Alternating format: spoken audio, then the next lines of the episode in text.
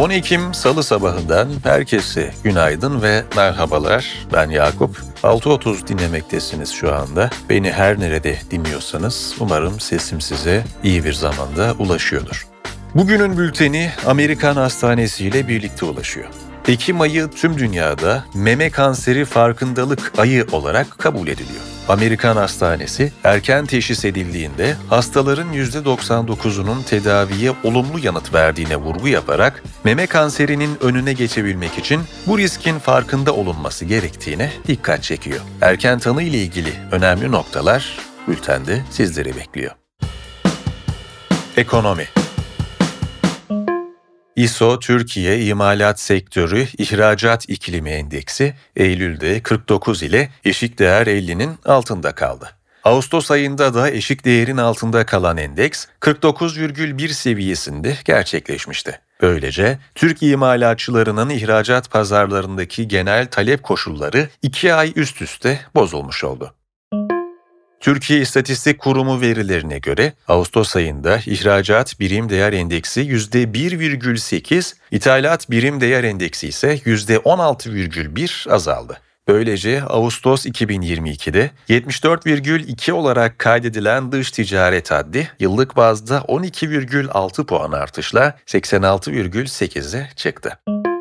IMF, Türkiye'ye gerçekleştirdiği ziyaretin ardından büyümenin 2024 yılında %3,25'e yavaşlayacağı tahminini paylaştı. Cari açık gayri safi yurt içi hasıla beklentisi 2024 için yaklaşık %3 seviyesinde belirtilirken 2024 yıl sonu itibarıyla enflasyonun %46'ya gerilemesi öngörülüyor. Bu yıl sonu için paylaşılan enflasyon tahmini ise %69 seviyesinde.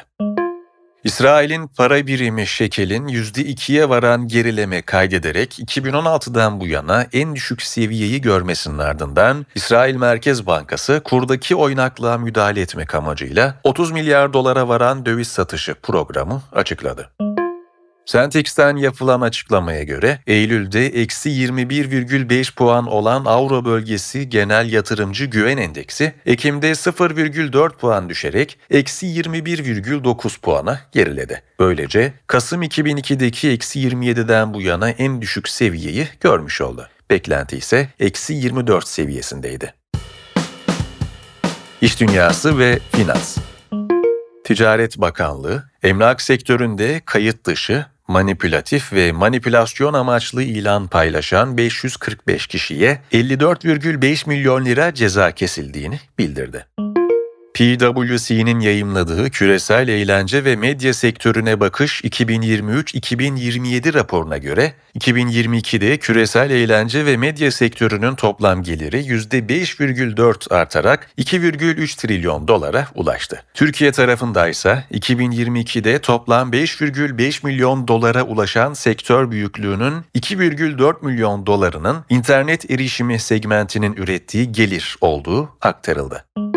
Tekstil sektörü temsilcileri ithalata vergi getirilerek iç piyasadaki üretici korunmazsa firmaların batacağını ve ciddi bir istihdam kaybı olacağını belirtiyor.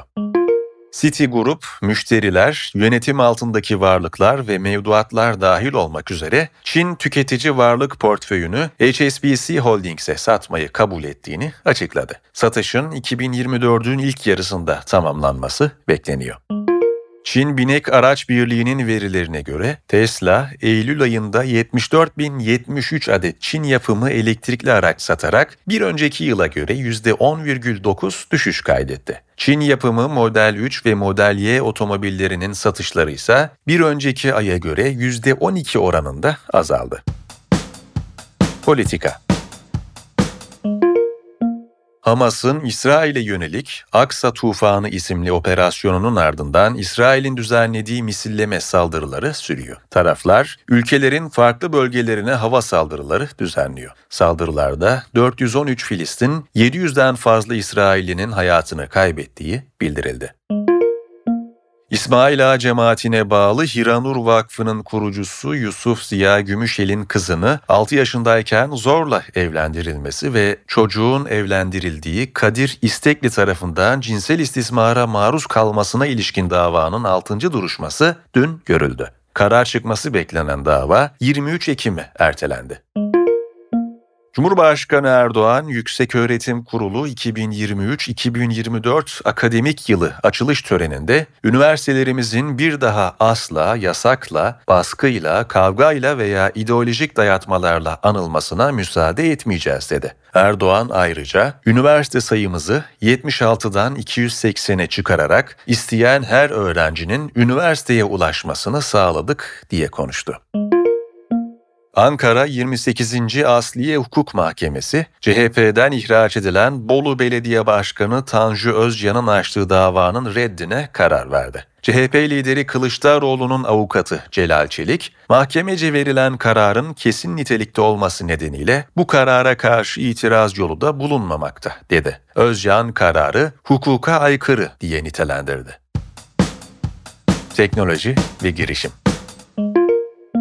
NASA'nın Parker Güneş sondası 27 Eylül'de saatte 635.266 kilometre hıza ulaştı ve 3 yıl önce saatte 586.863,4 kilometre hıza ulaşarak kırdığı insan yapımı en hızlı nesne rekorunu bir kez daha kırdı. Bu aynı hızda bir uçağın bir saatte dünyanın çevresinde 15 kez tur atabileceği, New York'tan Los Angeles'a 20 saniyenin biraz üzerinde bir sürede ulaşabileceği anlamına anlamına geliyor. Meta'nın henüz piyasaya sürülmeyen sanal gerçeklik cihazı Quest 3'nin devamı niteliğindeki bir ürün için çalışmalara başladığı bildirildi. Apple'ın karma gerçeklik başlığı Vision Pro nedeniyle oldukça endişeli olan Meta'nın Quest'in pazarlama planlarında değişikliğe gittiği, şirketin daha ucuz ve kontrol cihazı içermeyen bir cihaz üzerinde çalıştığı aktarıldı. Amazon, SpaceX'in uydu internet hizmeti Starlink'e rakip olarak geliştirdiği uydu projesi Project Kuiper'ın ilk prototip çiftini başarılı bir şekilde alçak dünya yörüngesinde fırlattı. Yeterli internet hizmeti alamayan topluluklara hızlı ve uygun fiyatlı geniş band sunmayı amaçlayan Project Kuiper kapsamında Amazon, 6 yıl içinde 3200'den fazla uydu konuşlandırmayı planlıyor. Süper bilgi işlem ve yapay zekaya yatırım yapan Çin'in, ülkenin toplam bilgi işlem gücünü 2025 yılına kadar %50'den fazla artırarak 300 EFLOPS'a ulaşmasını hedeflediği bildirildi. Çin Sanayi ve Bilgi Teknolojileri Bakanlığı, Ağustos'ta ülkenin bilgi işlem gücünün 197 EFLOPS'a ulaştığını açıklamıştı. ODTÜ Biomems Araştırma Grubu spin-off'u olarak hayata geçirilen yerli girişim Cellsway, PY Ventures'tan 200 bin avro yatırım aldı. Kanser teşhis ve tedavisinde klinisyenlere yardımcı olmayı amaçlayan girişim, hastalığın takibi, tedavi süreci ve hangi ilaçların kullanılması gerektiğine ilişkin yol gösteren bir sıvı biyopsi platformu geliştiriyor.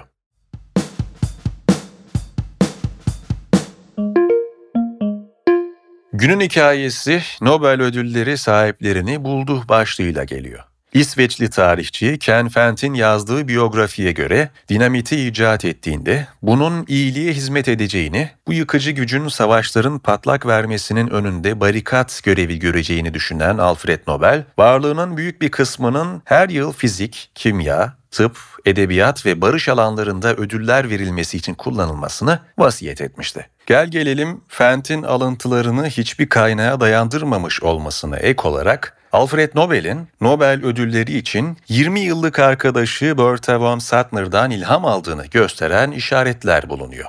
Nobel, Bertha'nın teşviğiyle katıldığı bir barış kongresinden sonra Nobel ödülleri fikrini oluşturmaya başlamış gibi gözüküyor. Bertha'ya yazdığı ilk mektupta, Barış Kongresi'nin çalışmalarını bir adımda olsa ileri taşımaya yardımcı olabilirsem çok mutlu olurum ifadelerine yer veren Nobel, 1893'te gönderdiği bir mektupta ise barışın teşviği için verilecek büyük bir ödül fikrinden bahsediyor. Yazının devamı bültende.